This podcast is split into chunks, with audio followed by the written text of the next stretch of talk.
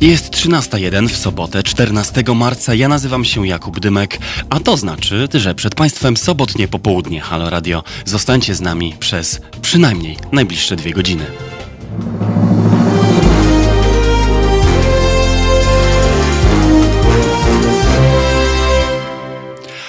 Dzień dobry Państwu, witam pierwszego dnia stanu epidemicznego w Polsce w Halo Radio na żywo z naszego studia przy ulicy Marszałkowskiej. Ja nazywam się Jakub Dymek. Na kontrolkach po mojej lewej jest z Państwem Kajetan Strzelczyk, który będzie dbał o techniczną stronę naszego dzisiejszego programu, a rozmawiać będziemy, tak jak zostało to Państwu zapowiedziane, na roboczy temat korona Panika i korona, przezorność, czyli o tym, jak wyglądają dziś skrajne reakcje na wprowadzony w Polsce stan epidemiczny i globalną pandemię koronawirusa. Będziemy rozmawiać o tym, gdzie przebiega granica między odpowiedzialnością, zachowawczością, a panikarstwem, strachem i naddatkiem środków zaradczych. Jeżeli to jeszcze nie jest jasne, to powiem Państwu, z kim będziemy się w dzisiejszym programie łączyć. E, już niebawem, kwadrans po godzinie 13 będzie z nami telefonicznie redaktor Rafał Kalukin z tygodnika Polityka, e, z którym powiemy o wpływie stanu epidemicznego, być może e, innych ekstraordynaryjnych środków bezpieczeństwa na trwającą, choć właściwie zawieszoną kampanię wyborczą. Komu to może pom pomóc, komu może to zaszkodzić, jak poszczególne partie i stronnictwa polityczne zachowują się w obliczu ryzyka i czy wybory prezydenckie w planowanym majowym terminie mają w ogóle sens.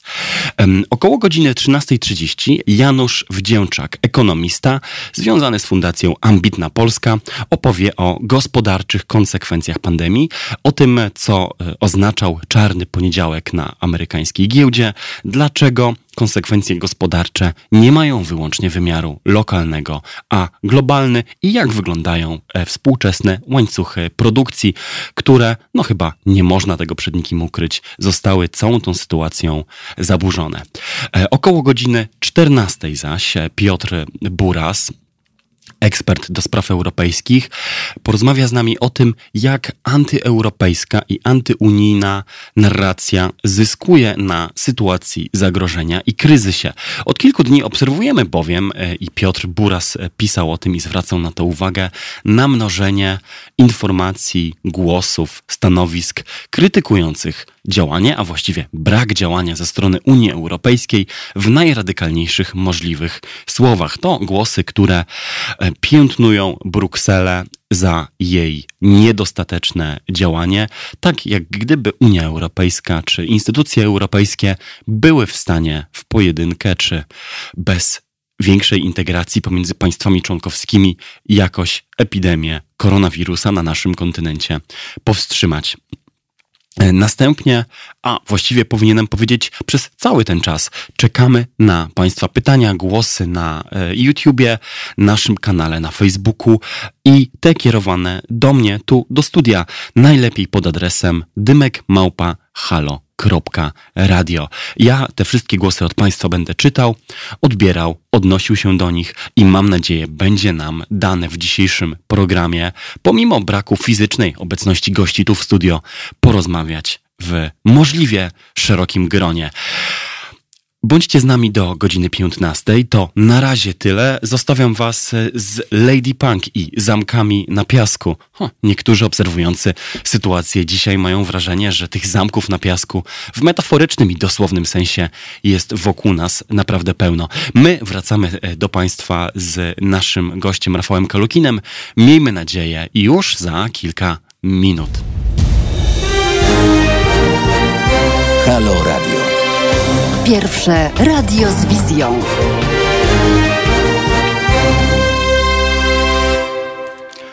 Jest 13.10, to jest sobotnie popołudnie Halo Radio. Ja nazywam się niezmiennie Jakub Dymek i mam nadzieję jest z nami już pierwszy z zapowiedzianych gości telefonicznie, redaktor Rafał Kalukin z tygodnika Polityka.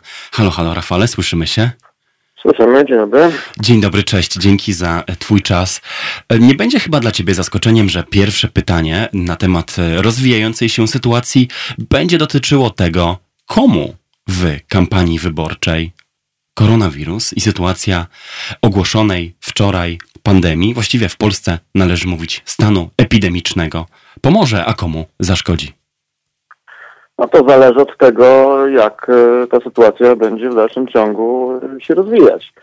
E, na dziś, na teraz, bez wątpienia, pomaga to Andrzejowi Dudzie, który jest w centrum całego układu instytucjonalnego państwa, które zarządza sytuacją kryzysową na razie to państwo radzi sobie, jak się wydaje, nie najgorzej. Przynajmniej w sferze y, komunikacyjnej, która się przekłada bezpośrednio na wizerunek i notowania e, prezydenta Dudy.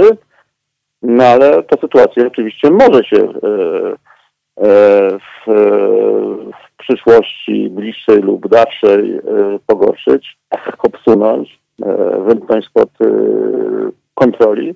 No i wtedy Duda będzie miał e, kłopoty.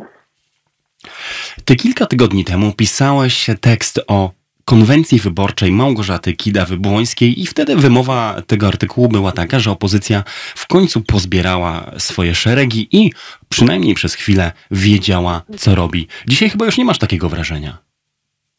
No nie, to wtedy po prostu e, oceniałem e, jednostkowe e, wydarzenie, które e, zostało zorganizowane nie najgorzej, a przynajmniej bardzo dobrze jak na e, Platformę Obywatelską. Dzisiaj wydaje mi się, że opozycja i pani Małgorzata Kidawa-Błońska no nie ma w tej sytuacji, która jest e, nic specjalnie do roboty. On oczywiście bardzo stara się zaistnieć e, w nowym e, kontekście epidemiczno, powiedzmy, e, wyborczym, no ale robi to dosyć chaotycznie, nieskutecznie i chyba powiedziałbym, że raczej szkodzi swojej sytuacji niż jej pomaga. Czy to nie jest po prostu miejsce w tym momencie dla e, kandydatów opozycji? E, gdyż... E, mówiąc, że nie jest to miejsce, mówiąc, że nie jest to miejsce, masz na myśli to, że powinni nie prowadzić kampanii w ogóle, czy nie, nie powinni wypowiadać się, atakować rządu, polemizować z nim? Czy masz na myśli to po prostu, że póki co nie wiedzą, co zrobić, nie dają sobie rady w tej nowej sytuacji i mogliby zwyczajnie zachować przez chwilę milczenie? No to jest kłopot, bo oni po prostu nie mają e, sensownego pola manewru. Tak? No w tym momencie, yy, znaczy, yy, trudno oczywiście zalecać kandydatom no, jakoś tam wciąż toczącej się kampanii wyborczej, żeby nabrali wody w usta i po prostu zamilkli. Tak? No, oni jednak powinni jakąś tam e, e, aktywność e, zachowywać. No ale trochę nie wiadomo, co w tej e, sytuacji zrobić. Tak? Znaczy, w, na pewno w tym momencie, w którym e, jesteśmy, e, kiedy ludzie generalnie potrzebują. Halo, halo. Słyszymy się? Chyba nie. Będziemy próbowali się z Rafałem Kalukinem połączyć za chwilę, gdy te problemy z połączeniem będą już e, za nami. E, chciałbym powiedzieć Państwu, że jak, jakby epidemii było mało, to właśnie tu za oknem w naszym radiowym studiu obserwujemy jeszcze ekstremalne zjawiska pogodowe. Mamy burzę, burzę śnieżną i bezchmurne niebo. Gdyby ktoś był przesądny, mógłby mieć wrażenie, że rzeczywiście e, wszystkie biblijne plagi spadają na nas naraz. Ale tak nie jest i e, panika czy przesadne, e, bojaźliwe, histeryczne zachowanie to ostatnie, do czego e, byśmy Państwa namawiali. I ostatnie, co, e, o co tu nam w Halo Radio chodzi. My zostawimy Państwa na chwilę z Aerosmith i Crazy. Znowu kolejny tytuł o podwójnym znaczeniu. A do rozmowy z Rafałem Kalukinem wracamy, mam nadzieję, już bez problemów za kilka minut. czwartek. Od 21 do 23 telefony od Państwa odbiera Roman Kurkiewicz. Rozmowa, dialog, zrozumienie i żadnej agresji. 21-23. Zapraszamy. www.halo.radio. Słuchaj na żywo, a potem z podcastów.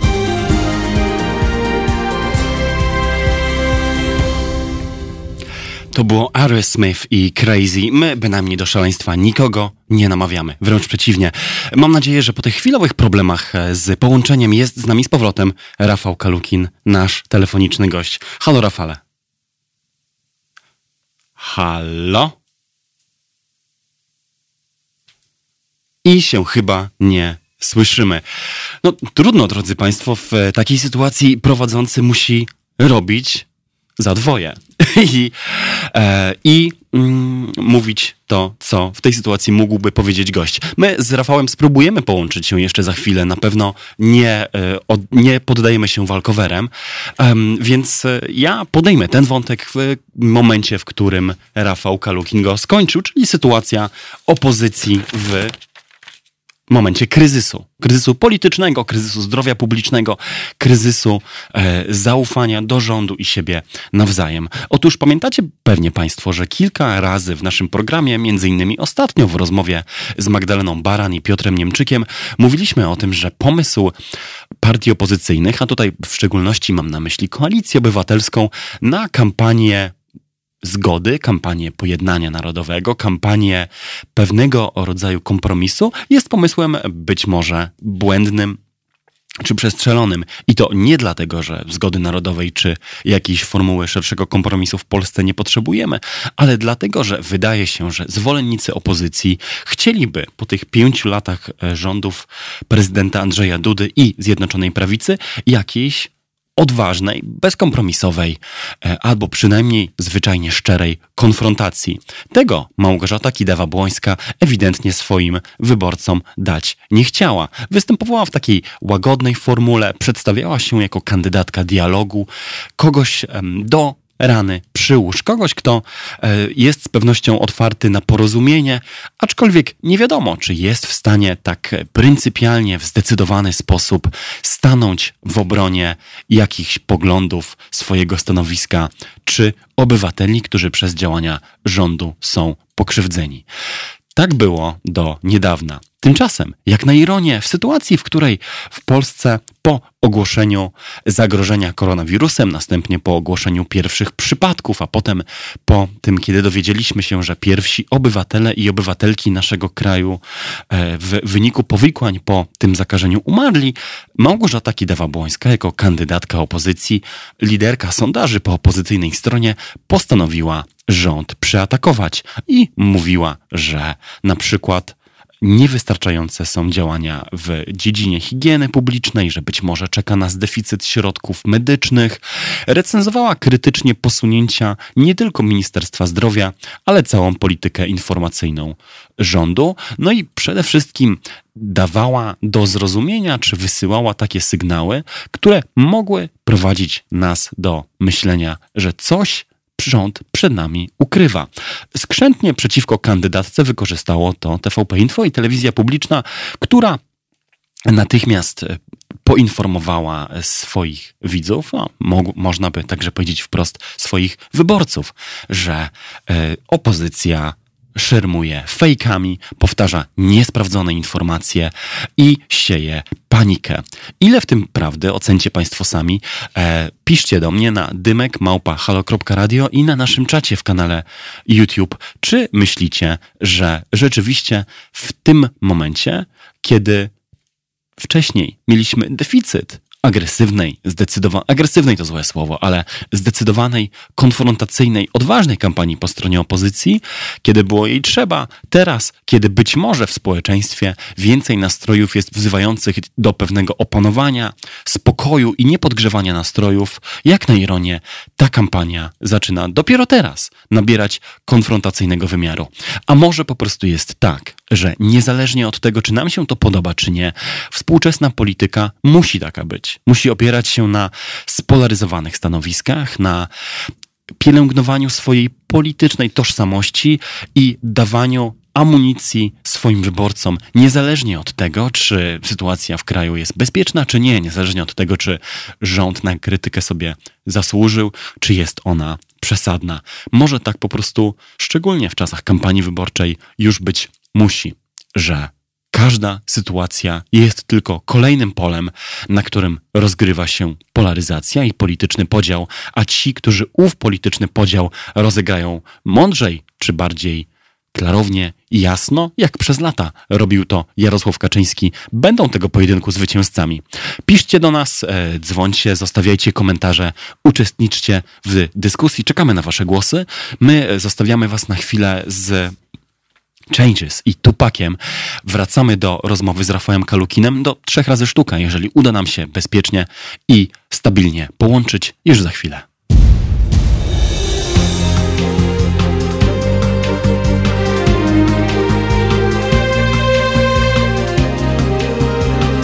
Halo Radio.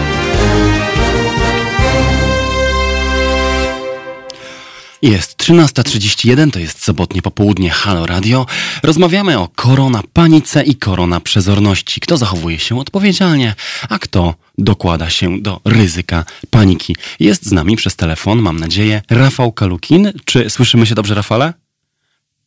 Halo, halo? Nie słyszymy się. To jest, drodzy Państwo, jednak klęska. klęska wyłącznie po stronie technologii, bo my z tym sobie poradzimy, aczkolwiek trochę szkoda, że nie usłyszymy, e, co do powiedzenia i co e, mógłby wnieść do e, rozmowy Rafał, redaktor Rafał Kalukin z Polityki, z którym byliśmy umówieni na połączenie. No ale cóż, czasami technologia zostawia nas w tyle. E, tutaj e, siedzący po mojej lewej wydawca i realizator dzisiejszego programu Kajetan Strzelczyk próbuje się jeszcze raz połączyć, więc dajmy sobie e, chwilę z nadzieją na to, że redaktor Rafał Kalukin znajdzie się po drugiej stronie linii. Halo, halo, chyba się uda. Próbujemy. Halo Rafala, jesteś z nami?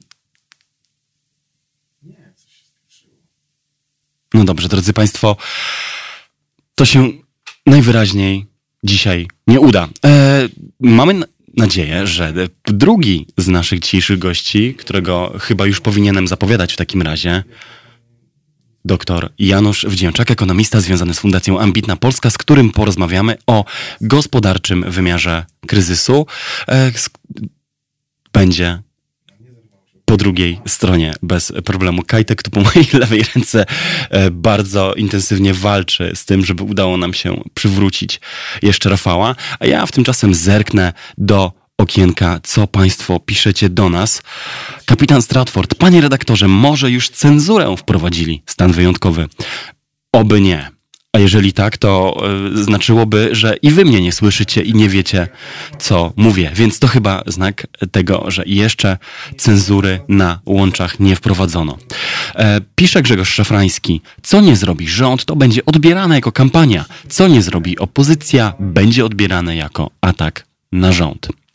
No, panie Grzegorzu, może tak, może nie. Bywają chwile, kiedy rzeczywiście one są krótkie, ale kiedy rzeczywiście to poczucie konieczności wspólnego działania i porozumienia ponad podziałami bierze górę. I e, nie wszystko interpretowane jest jako polityczna gierka. Ale poniekąd ma pan rację w tym sensie, że te chwile w Polsce są naprawdę krótkie.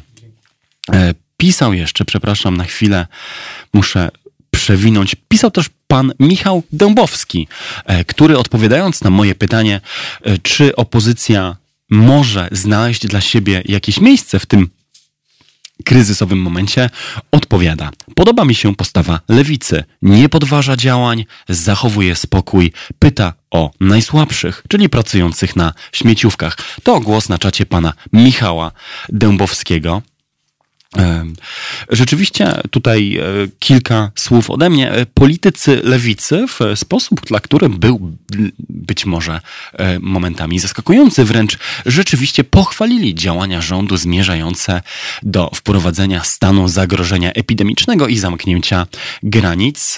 Ewidentnie strategia tego stronnictwa politycznego, tej opcji jest na dzień dzisiejszy taka, żeby w przeciwieństwie do koalicji obywatelskiej nie atakować frontalnie rządu, nie podważać wszystkiego, co robi gabinet premiera Mateusza Morawieckiego i nie ustawiać się w roli takich stuprocentowych, jednoznacznych kontestatorów władzy, ale raczej, żeby taką krokową metodą cal po calu te władze przesuwać w kierunku działań, które miałyby objąć szersze grupy społeczne i miałyby odpowiedzieć na kryzys e, zdrowia publicznego i prawdopodobnie także, no nie ukrywajmy tego, drodzy Państwo, pewien kryzys gospodarczy czy finansowy w szerszym wymiarze.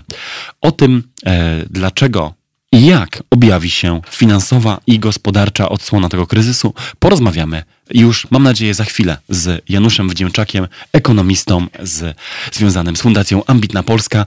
Zostawiamy Was na chwilę z Lenem Krawicem i I Belong to You.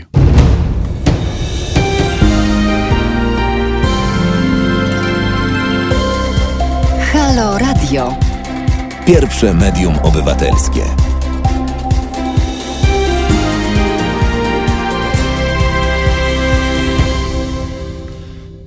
13.41, sobotnie popołudnie, Halo Radio, ze mną Jakubem Dymkiem. Drodzy Państwo, w sytuacji kryzysu każdy staje się ekspertem i każdy wie, czym są łańcuchy dostaw, jak działa chińska gospodarka, jaka jest struktura polskiego handlu i jak naprawdę będzie wyglądał skutek tego, co dzieje się na PKB i ewentualną recesję. E, taki, taki to już naród Polacy, że zna się na wszystkim. My natomiast postanowiliśmy o to, co się dzieje i co może się wydarzyć, zapytać prawdziwego eksperta. Jest z nami telefonicznie dr Janusz Wdzięczak, ekonomista związany z Fundacją Ambitna Polska. Halo, dzień dobry. Dzień dobry, dzień dobry panie redaktorze, dzień dobry państwu. Dzień dobry, cześć, bardzo dziękuję za e, pański czas. E, to może zacznijmy od pytania najprostszego, czyli tego, co właściwie nas czeka w sytuacji e, tak dużego zachwiania światową gospodarką, jakie wydaje się jest już dość przesądzone w konsekwencji ogłoszenia pandemii. Panie redaktorze, ja y, zajmuję się procesami gospodarczymi, więc ja mogę tylko powiedzieć, jak y, różnego rodzaju procesy medyczne, tak, z zakresu właśnie y, zachorowań, będą wpływały na y, kwestie gospodarcze. Y, to jest dość ważna, myślę, uwaga, którą należy silnie zaznaczyć, bo nie wiemy, jak ta epidemia będzie się rozwijała na świecie ile będzie wypadków zachorowań, ja, e, więc trudno cokolwiek nam tutaj powiedzieć. Ale już e, ustosunkowując się do, do pytania pana redaktora, e, nie wiemy, jak będzie się rozwijało w Polsce, wiemy, jak epidemia rozwija się w Azji, a raczej zwija, ponieważ ja tutaj uprzedzony przed audycją pozwoliłem sobie sprawdzić statystyki i w Chinach gdzie epidemia rozwinęła się najsilniej. Obecnie liczba zachorowań gwałtownie, może nie gwałtownie, ale stabilnie spada. Stabilnie spada, jest to znaczny spadek i zakłady przemysłowe e, zarówno w właśnie w tej prowincji, gdzie mieści się miasto Wuhan, jak i w, w, w, w, w, w prowincjach sąsiednich produkcja przemysłowa rozwija się. Obecnie według danych, które udało mi się pozyskać, to jest około od 50 do 70% produkcji przed e, wybuchem epidemii. Na przykład fabryka Apple'a, e, która mieści się w Chinach, e, wróciła do produkcji jakiś czas temu. Czyli to mm, wydaje się być, tak przynajmniej na poziomie fasady, e, raczej optymistyczny prognostyk, a jednak nie opuszcza mnie wrażenie, że mhm. PKB, ten główny miernik, czy go lubimy, czy nie, mhm. ale ten główny miernik e, dobrobytu i powodzenia gospodarczego musi ucierpieć w sytuacji, w której wszystkie lokale usługowe wokół nas mhm. są zamknięte. Biznes w wielu dziedzinach, e, nasze, nasza działka, czyli dziennikarstwo i nauka akurat e, się nie zamykają nigdy, ale biznes w wielu dziedzinach po prostu stoi. To musi mieć ekonomiczne tak. konsekwencje. Panie redaktorze, ja y, w żadnym razie nie mówię, że to nie jest sytuacja poważna.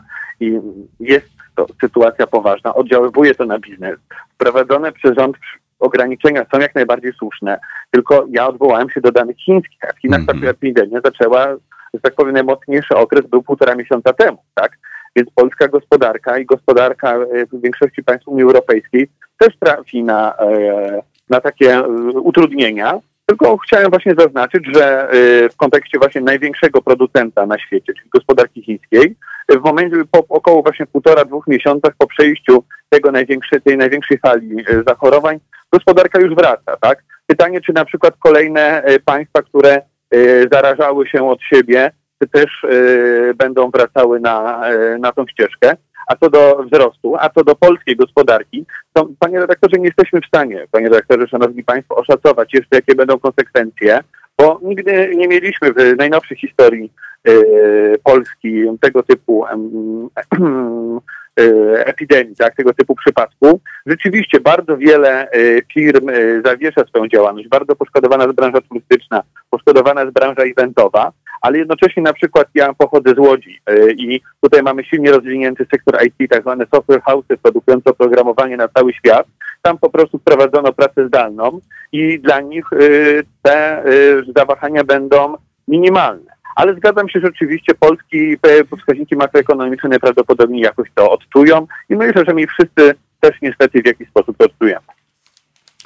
Wiele się mówiło w ostatnich latach o jakimś końcu globalizacji, odwrocie od globalizacji, e, o tym, że z powrotem głównym aktorem na scenie zarówno politycznej, ale też i em, instytucjonalnej stają się państwa narodowe. No chyba w świetle tego, co widzimy w gospodarce, nie da się, e, nie da się zwrócić globalizacji i jej naczelnego e, miejsca i, i prymatu i tego, że globalizacja porządkuje nasze życie i wciąż jest y, tym paradygmatem, w którym funkcjonujemy. E, Jest, ale globalizacja jest, panie redaktorze, troszeczkę jak energia atomowa, tak? Może w formie e, bomby atomowej wybuchać i zabijać tysiące ludzi, albo może walczyć, zwalczać nowotwory i pracować grzecznie w reaktorach jądrowych. Globalizacja, to co też widzimy, spowodowała rozprzestrzenianie się wirusa, to prawda, ale jednocześnie pozwala nam e, nadal na eksport, eksport usług wspomniany, tak? I y, z jednej strony także przezwyciężyć różnego rodzaju skutki epidemii, ponieważ wykonując różnego rodzaju pracę online, nasi przedsiębiorcy właśnie z najbardziej rozwijających się sektorów mm, mogą cały czas zarabiać, tak? Jednocześnie chciałem się odwołać, bo jestem również, tak jak tutaj zresztą słusznie zostałem podpisany historykiem gospodarczym. Ja przeglądałem jakiś czas temu y, dane dotyczące Hiszpanki, czyli grypy, która wybuchła, epidemii, pandemii grypy, która wybuchła y, po I wojnie światowej i zebrała żniwo, jakiego y, koronawirus, miejmy nadzieję, i na razie nic na to nie wskazuje, nie zbierze, bo była o wiele bardziej krwawa, znaczy bardziej śmiertelna niż cała pierwsza wojna światowa, ta epidemia. I panie redaktorze, w momencie, kiedy nie było samolotowych połączeń międzykontynentalnych, tak, nie było szybkich kolei, y, ta epidemia również się rozprzestrzeniła. Kiedy jeszcze globalizacja y, na dobre się nie rozpoczęła, więc nie jestem przekonany, czy należy to łączyć y, z globalizacją. W moim e, przekonaniu należy to łączyć o tyle, że, i do tego zmierza moje kolejne pytanie, że nagle e, wielką popularność e, zrobiło wcześniej nieużywane w języku powszednim pojęcie łańcuchy dostaw. Czyli innymi słowy, zdaliśmy sobie w namacalny sposób sprawę, jak wiele produktów, którymi posługujemy się, z których korzystamy na co dzień, jest efektem pracy nie jednej gospodarki narodowej, ale właśnie ich całego łańcucha. Stąd chciałem poprosić Pana o e, rozwinięcie tego problemu i e, pochylenie się razem z nami nad e, faktem tego, że prawie nic już chyba, może poza produktami żywnościowymi, nie jest już tworem tylko rąk pracujących w jednym kraju i produktem jednej jakiejś zamkniętej, ograniczonej technologii czy łańcucha produkcji. Panie redaktorze, oczywiście, ale ja nie wiem, czy to, na ile to jest odkrywcze, ponieważ różnego rodzaju portale, yy, które umożliwiały nam zamawianie właśnie z Chin czy z Indii, Mhm. na antenie nie chciałbym nas promować, yy, bardzo tanich produktów, nauczyły, i to szczególnie najmłodsze pokolenie, że, że można zdobyć produkt praktycznie dowolny z całego świata, o ile się ma pieniądze. I to właśnie najczęściej nie za jakąś wygórowaną cenę. Yy, Nie wiem, czy yy, młode pokolenie i czy inni konsumenci znali pojęcie łańcuch dostaw, ale łańcuchy dostaw teraz się pojawiły pod kątem potencjalnego zagrożenia ich przerwania. One, to też warto wspomnieć, nie są przerwane, ponieważ żadnego rodzaju kwarantanny nie dotyczą transportu cargo. E, A co do świadomości globalnej, panie redaktorze, wracając do właściwego Mhm. pana pytania, rzeczywiście ona e, rośnie, ale mówię, no nie jestem przekonany, czy, czy, czy, czy, czy, czy aż tak bardzo, bo uważam, że ona i tak była na bardzo wysokim poziomie. Każdy, kto ma na sobie jakiekolwiek teraz ubrania, w większości są tam y, plakietki Made in China albo podobne, mamy chyba świadomość, że to pochodzi z całego świata. Wystarczy zobaczyć, jakiej produkcji jest mikrofon, który pan redaktor teraz ma przed sobą, jakiej produkcji jest telefon, który mam przed sobą. Y, nie zawsze jest to produkcja polska, czy nawet europejska, mówiąc dyplomatycznie. A co wobec tego, czy jakie jest e, pańskie przewidywanie dla toczącej się e, pewnie od wyboru Donalda Trumpa debaty między stronnictwami, nazwijmy to tak najbardziej ogólnikowo, izolacjonistów i globalistów, czyli tych, którzy uważają, że e, globalny porządek handlowy był jakoś niesprawiedliwy i należało go reformować, a tymi, którzy twierdzą, że globalizacja w jej dotychczasowym kształcie była tak naprawdę najlepszym z możliwych modeli i nie wymagała większej korekty. Czy bieżący kryzys jakoś w pańskim przekonaniu się przyczyni do wzmocnienia argumentów jednej z tych stron? Znaczy, należy pamiętać, że Donald Trump, jego polityka, to trzeba doprecyzować, nie była y, zdecydowanie nieprzeciwna globalizacji, międzynarodowym stosunkom gospodarczym, ale raczej y, no, stosunków, ale raczej kierunkowi poszczególnych właśnie tutaj, może nie tyle łańcuchów, co strumieni. Chodziło po prostu o to, było, było znane hasło America First, tak? Chodziło o wprowadzenie pewnego rodzaju praktyk protekcjonistycznych, aby na tych stosunkach międzynarodowych i globalizacji gospodarka USA zyskiwała aby zyskiwała gospodarka, zyskiwali przedsiębiorcy, zyskiwali pracownicy. E, Trump nigdy nie był za tym, żeby Ameryka się odizolowała, tak? I pojęcie izolacjonizmu ma dość długą historię. Chodziło po prostu o to, żeby, e, żeby, żeby e, izolacja, że tak powiem, w rozumieniu amerykańskim polega na tym, żeby produkty inne, zewnętrzne, tak, nie przechodziły nie przychodziły zbytnio do, na rynek amerykański, nie pojawiły Tylko, się. żeby to inni kupowali amerykańskie. Mówiąc tak, żeby inni kupowali amerykański słynny spór z prezydentem Martonem o, e, o wina, tak? E, to jest po prostu protekcjonizm, chęć wspierania. Po prostu Donald Trump wyszedł z założenia, które zyskało duże poparcie w społeczeństwie amerykańskim, to ciekawe nie w elitach, ale właśnie wśród pracowników, wśród związkowców, że przemysł amerykański się likwiduje, tak? Że się wpuszcza właśnie w przemysł yy, Azja, różnego rodzaju chiński i to o to chodzi. I tutaj powiem szczerze, nie widzę, żeby ten kryzys miał jakieś, jakikolwiek yy, wpływ na to, ponieważ y, no, postawy protekcjonistyczne, takie ciągoty protekcjonistyczne Amerykanie będą mieli zawsze. Y, jest to uwarunkowane ekonomicznie. My możemy właśnie y, wątpić, na ile to ma wspólne, wspólnego z uczciwymi praktykami, tak? I czy to jest gra, jak to się mówi, fair. Ale prezydent Trump przez swoich wyborców nie jest, panie redaktorze, rozliczany grania fair wobec Francji czy Chin, tylko z bronienia obrony interesów yy, pracowników amerykańskich, tak? Szczególnie właśnie z, z, z takich bardziej robotniczych y, y, obszarów, niekoniecznie z Nowego Jorku. Czyli chce, ma, chce, pan, chce pan tu powiedzieć, że ta percepcja będzie dla prezydenta Trumpa korzystna, w tym sensie, że tak. jego starania, jakkolwiek byśmy nie oceniali ich realnych skutków w sferze informacyjnej, sprawiają wrażenie, że rzeczywiście zmierzają do obrony tego zwykłego, zapomnianego, jak lubi mówić prezydent Trump, człowieka. Y, tak, Forgotten Man. to jest y, przyznaną y, ekonomistkę panią Emity Schleich przy, przywo, przywołana koncepcja jeszcze właśnie z y, lat 30. I, y, I rzeczywiście ci, ci zapomnieni ludzie w Stanach Zjednoczonych wydaje się istnieli z punktu widzenia ekonomicznego, tak? Wraz z rozwojem globalizacji y, wspomniana tutaj firma Apple przyniosła wspomnianą już też przed chwilą fabrykę do Chin. I nie ma, fabryka w Chinach nie będzie zatrudniała mieszkańców, tak jak wspomnianego, Detroit, najbardziej przemysłowy, tak, tak, tak, stanu tak. Michigan, jakichś środkowych stanów, y, samego centrum.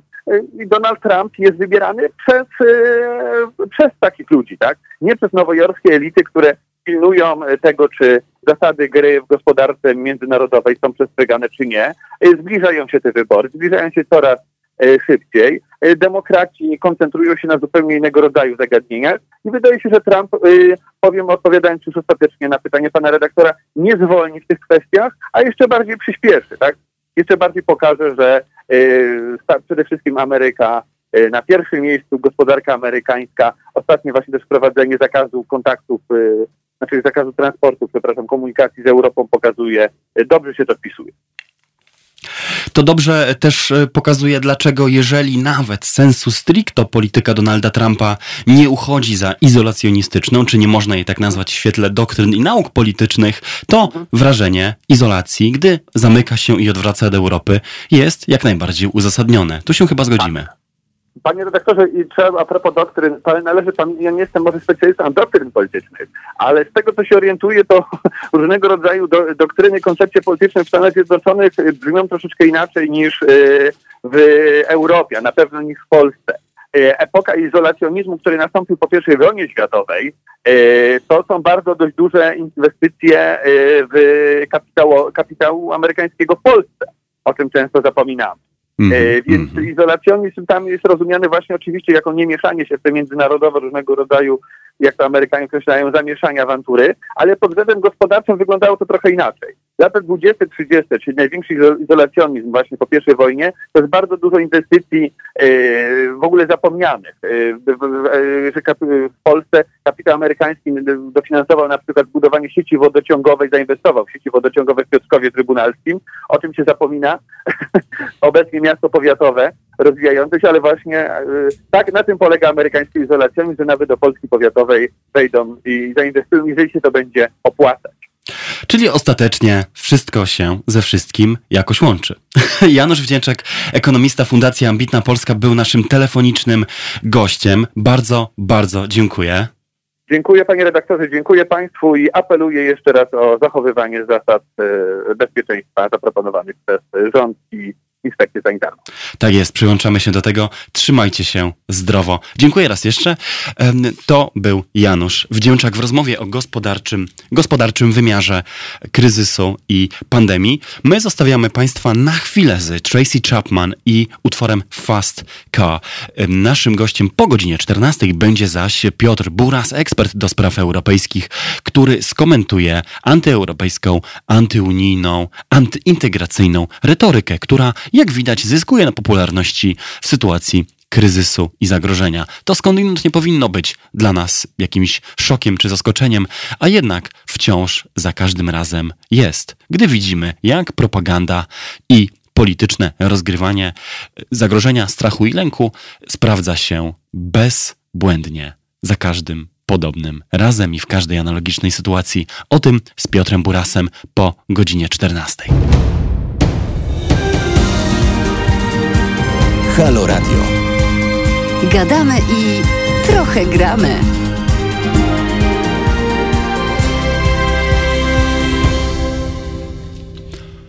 Jest godzina 14.03, cały czas przy mikrofonie Jakub Dymek. Słuchacie Państwo sobotniego popołudnia Halo Radio pod roboczym tytułem Korona Panika i Korona Przezorność. Rozmawiamy o skrajnych skrajnie odpowiedzialnych i skrajnie nieodpowiedzialnych sposobach reakcji na właśnie ogłoszony stan epidemiczny i globalną pandemię nowego koronawirusa. Z nami przez telefon jest już, mam nadzieję, dr Piotr Buras, ekspert do spraw europejskich. Dzień dobry, halo. Dzień dobry, dzień dobry. Halo, halo. Dzień dobry, witam pana, bardzo dziękuję za e, czas dla nas. Zacznę od pewnego, czy pozwolę sobie zacząć od pewnego cytatu. To Twitter wiadomości telewizji polskiej. Koronawirus obnażył słabość Unii Europejskiej. Bruksela nie przygotowała się do zderzenia z epidemią. Nie zostały wprowadzone żadne mechanizmy, które powstrzymałyby wirusa. Ciężar walki, walki spoczywa na barkach krajów europejskich. No, panie doktorze, czy Unia Europejska, czy Bruksela, tu wzmiankowana, naprawdę może przygotować mechanizmy powstrzymywania wirusa? Nie, nie może. To znaczy ten, ten y, tweet jest z jednej strony prawdziwy, to znaczy on mówi o tym, że y, odpowiedzialność y, spoczywa na państwach członkowskich, a z drugiej strony jest całkowitą manipulacją, ponieważ sugeruje, że w rękach tak Brukseli, czyli instytucji unijnych, tych ponadnarodowych, czyli Komisji Europejskiej albo nie wiem, Europejskiego Banku Centralnego, czy jakichś innych, leży odpowiedzialność, a również na ich, y, ich, że tak powiem, kompetencjach leży możliwość powstrzymania kryzysu epidemiologicznego albo też mogą podjąć jakieś działania, które w istotny sposób będą mogły wyręczyć państwo członkowskie. To, jest, to nie jest prawda. To znaczy my musimy, jeżeli mówimy, że Unia Europejska robi coś albo czegoś nie robi, to my musimy mieć świadomość, że, że istnieją w zasadzie dwie Unie. Jest Unia właśnie tych instytucji ponadnarodowych, o których mówiłem, do nich też należy wiem, Europejski Trybunał Sprawiedliwości, do nich należy Parlament Europejski, yy, Ale jest ta druga Unia i to jest ta Unia międzyrządowa, to znaczy to są te obszary współpracy w Unii Europejskiej, gdzie państwa członkowskie albo są w stanie się porozumieć i stworzyć jakieś wspólne mechanizmy, albo nie są. Jeśli chodzi o politykę zdrowotną, czy, czy reagowanie na taki kryzys, jaki mamy w tej chwili, y, te instytucje ponadnarodowe, zwłaszcza Komisja Europejska, która jest takim tym symbolem Brukseli, ona ma bardzo ograniczone możliwości y, i państwa członkowskie po prostu nigdy jej nie dały y, żadnych kompetencji do tego, żeby na przykład wprowadzać kontrolę na granicach, albo zamykać granice, albo wprowadzać kwarantannę, albo dystrybuować y, środki medyczne. Y, Komisja Europejska nie ma tutaj absolutnie nic do gadania y, i to jest wszystko w rękach państw członkowskich. I teraz jest pytanie oczywiście, czy one stają na wysokości zadania pojedynczo, niektóre pewnie bardziej, inne mniej, i czy stoją na wysokości zadania wspólnie, czy, czy ich koordynacja w tym zakresie była dostateczna, czy nie.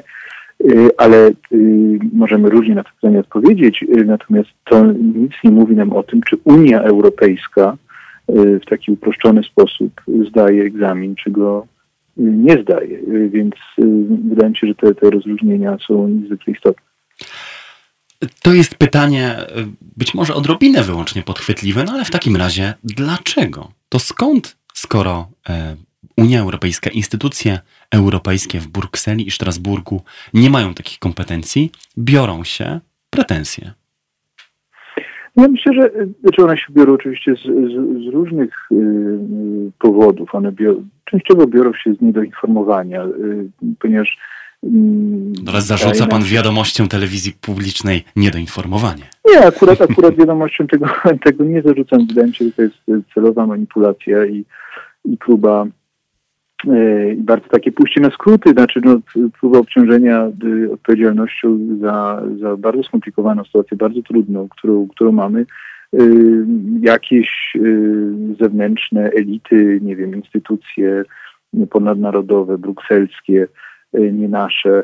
No to jest bardzo częsty zabieg i stosowany przez przeciwników Unii Europejskiej zazwyczaj. W tej chwili też jest w internecie masa zwanego trollingu antyunijnego, który się podobnymi e, argumentami posługuje. Ale oczywiście też jest, e, są też powody, e, które nie sądzę, żeby akurat wiadomościom telewizji polskiej przyświecały, ale, ale które też powodują, że wiele osób zastanawia się, dlaczego w zasadzie na poziomie Unii Europejskiej takich kompetencji nie ma, albo, albo myślą, że, że takie, takie kompetencje są. I to dlatego mówię o niewiedzy, czy, czy o też takim pewnie oczekiwaniu, że no, to jest problem globalny, to jest problem, który dotyczy nas wszystkich y, wspólnie, również w Europie. I oczywiście byłoby znakomicie, gdyby były takie instrumenty, jakieś automatyczne mechanizmy, które które pozwalają na przykład na to, żeby. Ja przepraszam, ja tylko e, przerwę, bo, bo myślę, że moje następne pytanie dokładnie do tego, co pan e, doktor mówi, nawiązuje. No przecież niedawno był taki mechanizm, propozycja mechanizmu relokacji uchodźców. Tak, był to dokładnie ten mechanizm na poziomie wspólnotowym, który miał pomóc w rozładowaniu napięcia, czy pewnego, czy miał doprowadzić do pewnego podziału odpowiedzialności za kryzys, który ma wymiar ponadnarodowy. No i co? No i państwa europejskie, niektóre z państw europejskich, członkowskich zdecydowały się go nie stosować i całe, cała idea wzięła w łeb. No tak, znaczy ja myślę, że ta analogia jest y, interesująca, dlatego że i ważna, ponieważ y, ten kryzys migracyjny, który, który mieliśmy, był też y, kilka lat temu, był też przykładem takiej sytuacji, w której w zasadzie współpraca państw ze sobą, lepsza koordynacja była warunkiem powodzenia w zarządzaniu tym y, kryzysem. Y, I natomiast, jak się okazało w trakcie tego kryzysu, podobnie jak się okazuje dzisiaj, na poziomie Unii Europejskiej, czyli w traktatach unijnych, y, w, w sposobie, jak definiuje się rolę poszczególnych instytucji europejskich, w zasadzie nie było nic, co by pozwalało na taką umocowaną prawnie, opartą na pewnych twardych zobowiązaniach, koordynację między tymi państwami. Instytucje unijne również w polityce migracyjnej czy uchodźczej w zasadzie nie mają żadnych poważnych y, kompetencji. I tam wówczas, w przypadku tego mechanizmu relokacji, uchwycono się jednego y, artykułu traktatu, który pozwalał na to, żeby za pomocą głosowania większościowego stworzyć taki mechanizm, który zobowiązywałby wszystkich do y, jakiejś solidarnej współpracy. I wykorzystano ten mechanizm. W zasadzie był, no był na, całą pewnością zgodny z prawem unijnym, ale nie, nie był respektowany, ponieważ uznano, że po pierwsze ten mechanizm, który uchwalono, y, był niewłaściwy, a część, y, znaczy niektóre kraje tak uznały, a część właśnie krajów w ogóle stwierdziło, że w ogóle nie zamierza się w żaden, sposób y, solidarnie przyczynić do rozwiązania tego kryzysu za pomocą przyjmowania jakichkolwiek uchodźców. Po prostu prowadzili, prowadziły te kraje łącznie z naszym politykę zero uchodźców.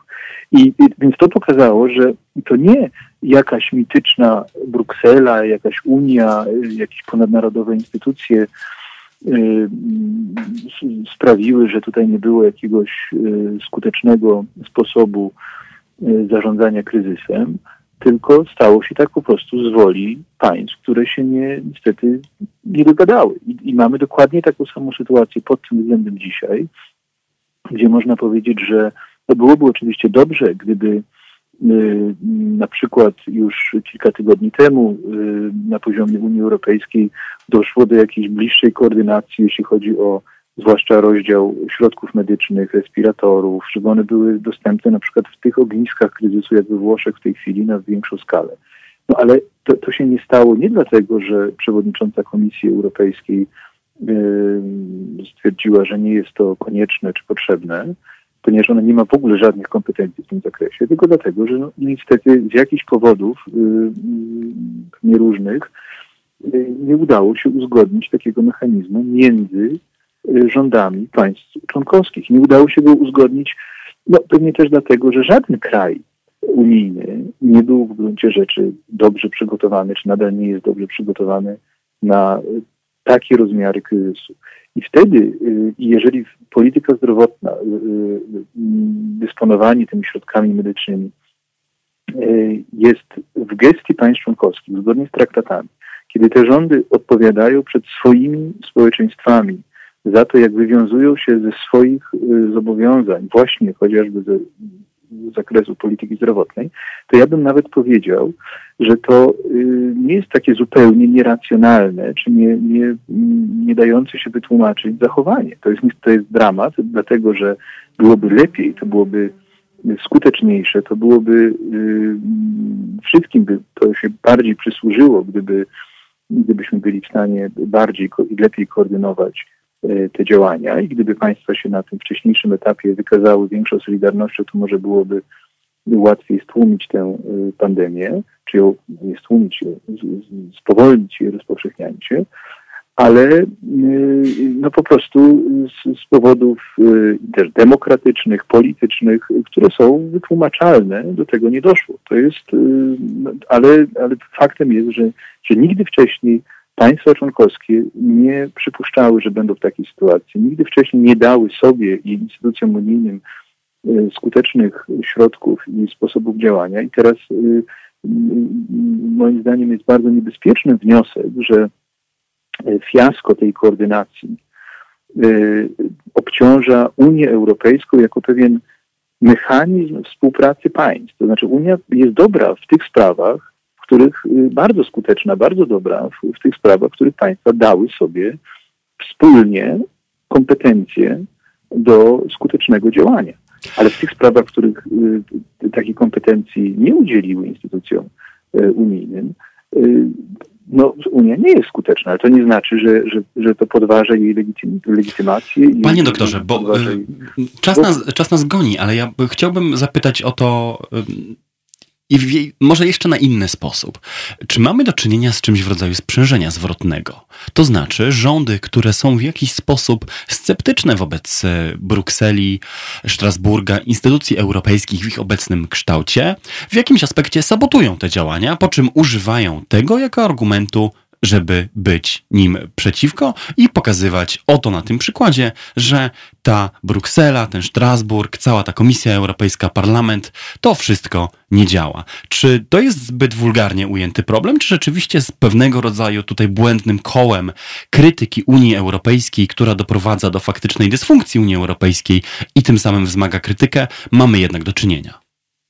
Znaczy, ja, ja nie wiem, na ile jest to y, prawdziwe y, w, w, stosunku do obecnego kryzysu koronawirusa, natomiast jest to z całą pewnością y, w 100% prawdziwe, jeśli chodzi o kryzys migracyjny.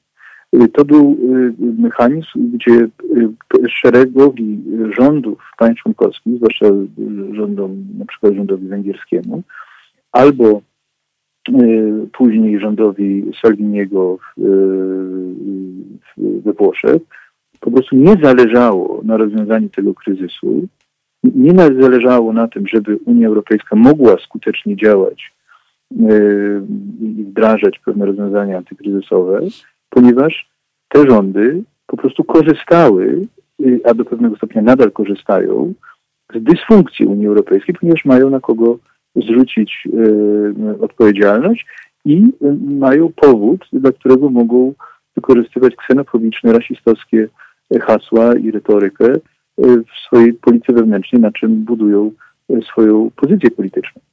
I ja myślę, że ta analogia, o której Pan mówi, jest na pewno też słuszna w przypadku koronawirusa. To znaczy, to będzie, to będzie tak przynajmniej się działo, że, że, że bardzo łatwo. W pewnym sensie mamy w Polsce pierwsze tego sygnały, prawda? Że do tego mamy rodzaju pewne, zjawiska tak, może to znaczy, że to jest, propagandowego tak, wykorzystania może dojść. Orban, Orban też to wykorzystuje bardzo jasno. Znaczy, mamy na pewno tutaj bardzo ważną dyskusję, która się rodzi i która będzie wykorzystywana przez populizmów, e, populistów dotycząca roli i znaczenia państwa narodowego. To znaczy mhm. teraz w związku z tym, że to państwa narodowe odpowiadają tak naprawdę za to zarządzanie kryzysowe, no jest, pierwsza reakcja jest taka, że to przywraca wiarę w państwo narodowe. Że to przywraca wiarę w to, że, że właściwie to te państwa narodowe, a nie jakieś ponadnarodowe instytucje są naprawdę skutecznymi mechanizmami rozwiązywania poważnych problemów, z którymi nasze społeczeństwa dzisiaj się borykają. To są słowa między innymi to... szefa kancelarii prezesa Rady Ministrów Michała Dworczyka sprzed dosłownie tak, kilkunastu godzin. Tak. I to jest, i to jest, yy, yy, znaczy, to jest jednak w takiej ogólności, jest to niezwykle krótkowzroczne y, stwierdzenie i, i, i bardzo polityka, ponieważ nawet ten kryzys już teraz pokazuje, jak przyjrzymy się Włochom na przykład, że dzisiejsze wyzwania że... mają e, charakter globalny. Przepraszam, że się wcinam, ale to ale banalna, ale prawdziwa znaczy, konstatacja. Tak, to znaczy, to znaczy nie jesteśmy w stanie sobie poradzić. Tak naprawdę nie jesteśmy w stanie sobie poradzić. Może sobie jakoś poradzimy, ale lepiej lub gorzej, ale lepiej byśmy sobie poradzili, gdybyśmy y, współpracowali bliżej ze sobą. To jest, to jest na pewno y, ta lekcja taka racjonalna z tego kryzysu, Natomiast wydaje mi się, że emocjonalna lekcja może być inna i będzie eksploatowana bardzo mocno przez, przez populistów, którzy będą bić w ten bęben i mówić, że to wszystko pokazuje, że ta cała Unia, instytucje międzynarodowe, to wszystko jest na nic. Teraz tylko my w naszych granicach, rządy narodowe, państwa narodowe są w stanie wypełniać tę rolę. Ale to jest moim zdaniem bardzo y, y, niebezpieczny kierunek tej dyskusji, ponieważ w ogromnej mierze te problemy, z którymi mamy dzisiaj do czynienia w dalszym ciągu są nie do rozwiązania y, przez państwa narodowe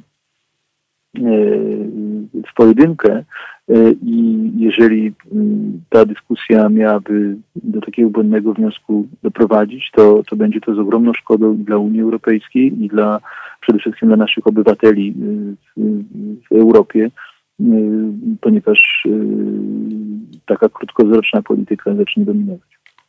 Dr Piotr Buras z European Council on Foreign Relations, ekspert do spraw europejskich. Panie doktorze, bardzo dziękuję za Pana czas. Dziękuję bardzo. Proszę trzymać się zdrowo i do usłyszenia. Dziękuję za rozmowę. E, to był dr Piotr Buras w rozmowie o antyeuropejskiej, antyintegracyjnej, antyunijnej reakcji na kryzys e, pandemii, kryzys zdrowia publicznego, który obserwujemy od kilku tygodni na naszym kontynencie europejskim, a od kilku dni także na e, terenach e, Polski.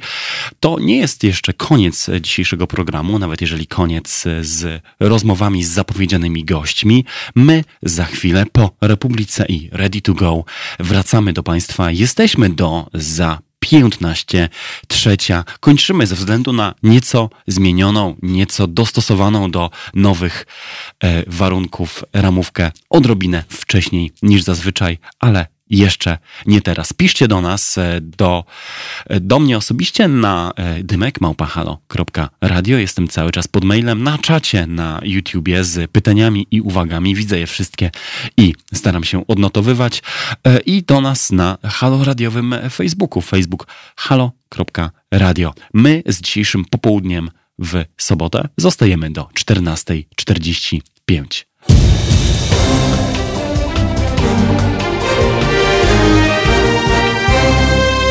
Halo Radio. 14.28, sobotnie popołudnie. Halo Radio ze mną, Jakubem Dymkiem, w ostatnim dzisiaj, podsumowującym nasze dzisiejsze spotkanie bloku, w którym chciałbym pociągnąć, czy nawiązać do wątku, w którym e, pożegnaliśmy się z doktorem Piotrem Burasem, bo nie ukrywam, że ta antyunijna kampania, która rośnie na no, strach powiedzieć, że na trupach, ale na pewno rośnie na kryzysie, zamieszaniu i powszechnym strachu związanym z koronawirusem, jest czymś, co mnie w równych proporcjach e, oburza, odrzuca, bulwersuje, ale nie dziwi. Ale nie dziwi, bo to chyba tak rzeczywiście musi być, że ilekroć ktoś się boi, a boimy się dzisiaj w mniej lub bardziej uzasadniony sposób jednak wszyscy.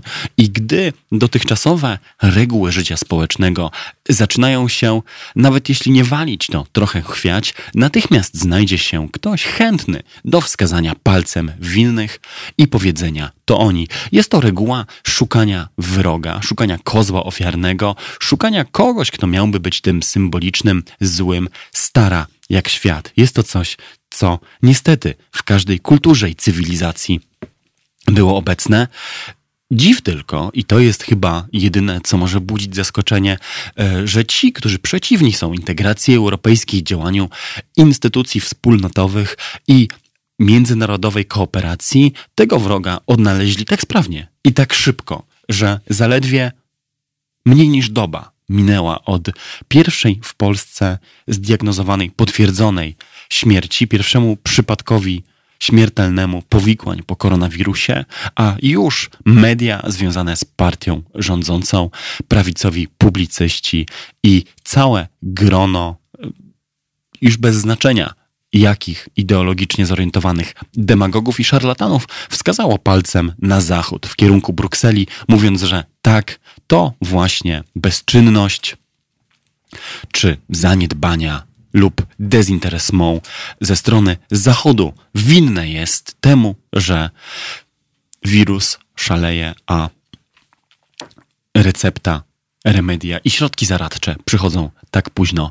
Lepszego przykładu e, dosłownej i odartej ze wszelkich pretensji do bycia czymś innym propagandy chyba nie sposób w dzisiejszym świecie znaleźć. To aż kłuje w oczy, jak prostacki i zarazem skuteczny jest, jest to sposób na przekonywanie E, innych, przekonywanie swoich słuchaczy, odbiorców do tego, że zły jest gdzieś indziej. Ciekawe w kontekście tego było oczywiście również to, co wydarzyło się poza granicami Unii Europejskiej, bo e, skoro w moich, to mogę zakładać i również w Państwa mediach społecznościowych popularne stały się te obrazki e, wyładowanych lekarzami i sprzętem medycznym samolotów z Chin czy Kuby, które lecą na pomoc Europie. Chińska Republika Ludowa wykorzystała w swojej propagandzie ten obrazek z niezwykłą sprawnością. Oto poszedł w świat komunikat, że schorowanej, cierpiącej, targanej swoimi problemami Europie na pomoc przychodzą właśnie Chiny, które dzięki sprawnej, twardej ręce partii poradziły sobie z tym kryzysem zdrowia publicznego szybciej i bardziej sprawnie niż kraje demokratyczne. To przecież jest e, taki topos propagandy, którego wydaje się aż wstyd w dzisiejszym świecie tłumaczyć, że każdy rząd zgłaszający pretensje do jakiejś totalnej, autorytarnej władzy i kontroli, będzie przekonywał, że to przecież, no właśnie, dla dobra obywateli, bo demokracja to taki rozgadany, rozwlekły, nieskuteczny, niesterowny system. System cierpiący na to, co kiedyś Marek Jureka, zanim Jarosław Kaczyński nazwali imposybilizmem, tak? czyli tą niemożliwością, czy rzekomą niemożliwością skutecznego działania w liberalnej demokracji przy zachowaniu pełni praw obywatelskich, które, tak to się dziwnie składa, ilekroć przychodzi kryzys, trzeba zawiesić. Zawsze znajduje się ktoś chętny do tego, żeby ich trochę przy kryzysowej sytuacji, przy okazji sytuacji kryzysowej odebrać, przyciąć, ograniczyć.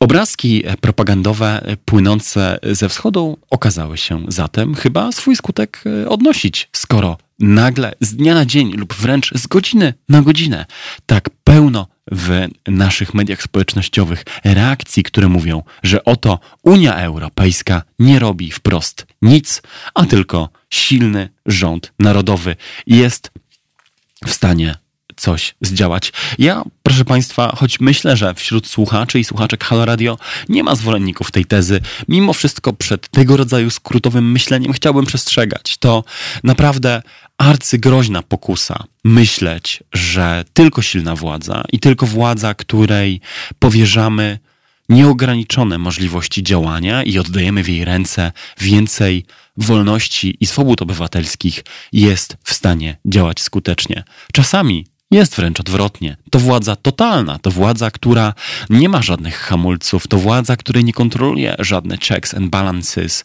działa najmniej skutecznie, najbardziej w oparciu o pewien impuls, najbardziej na ślepo i w sposób najbardziej chaotyczny.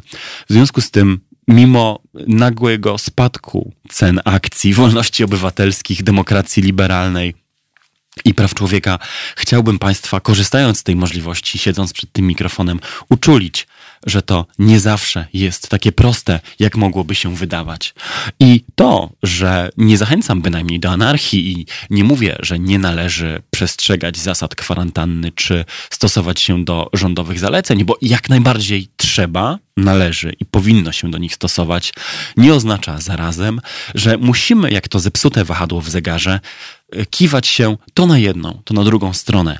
Albo negować wszystko, co robi rząd, podważać jego legitymację, mówić, że jest to rząd e, nieprawy, umocowany bez jakiejkolwiek legitymacji i prawa do działania, by po chwili, dosłownie z dnia na dzień,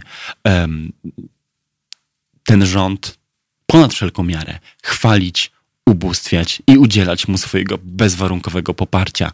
A to niestety choroba, która trapi nieco współczesne social media, w których jeżeli, wydaje się, w których, że jeżeli nasza reakcja nie jest skrajna, to nie jest żadna. To błąd. Czasami reakcje umiarkowane, reakcje, które nie popadają w żadną ze skrajnych szufladek, które nie prą do jak największego radykalizmu, to właśnie reakcje słuszne. To te, których w sytuacji kryzysu, takiego jak ten dzisiejszy, potrzebujemy najbardziej. Miejcie to proszę Państwo na uwadze. A jeżeli już przy kryzysie kwarantannie i tym, co można robić, będąc samemu w domu, jesteśmy, oczywiście słuchać Halo Radio. My jesteśmy tym medium, drodzy Państwo, medium obywatelskim, otwartym i oddolnym, które chce dać Wam trochę spokoju, trochę racjonalnej rozmowy, rozsądku w tych trudnych czasach.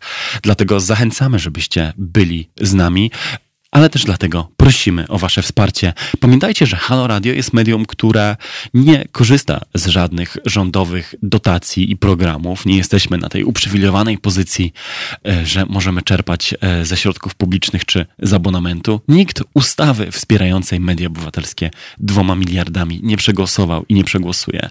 W związku z tym jesteśmy my, jako zespół i trwałość i aktualność naszych programów uzależnieni od Państwa wsparcia. Proszę dlatego, żebyście y, weszli na stronę halo.radio ukośnik SOS i pomogli nam w wydawaniu codziennego programu jakąś skromną, acz regularną wpłatą. Myślę, że e, kwota będąca równowartością zwykłej kawy w warszawskiej, poznańskiej, bydgoskiej, krakowskiej czy szczecińskiej kawiarni, przelewana nam w regularnych odstępach, będzie absolutnie adekwatna. Wy będziecie mieli zagwarantowany stały i nieprzerwany dostęp do pierwszego w Polsce medium obywatelskiego. My, dzięki Państwa wpłatom, będziemy dalej w stanie wydawać programy na żywo, regularnie, na bieżąco i w jak największej, w jak najszerszym paśmie, w jak największej ilości godzin na dobę.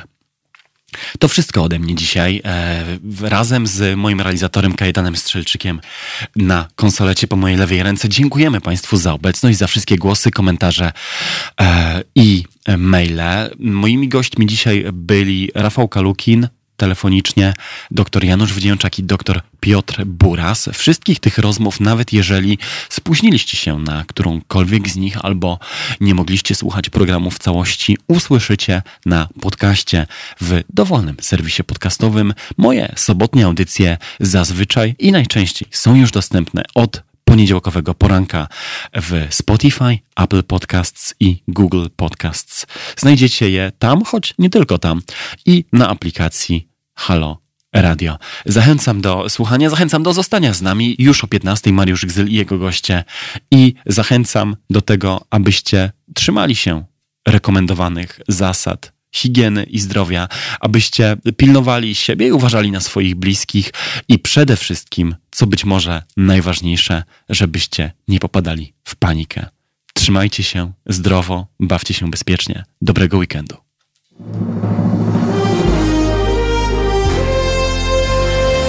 Proste. Żeby robić medium prawdziwie obywatelskie, potrzebujemy Państwa stałego wsparcia finansowego.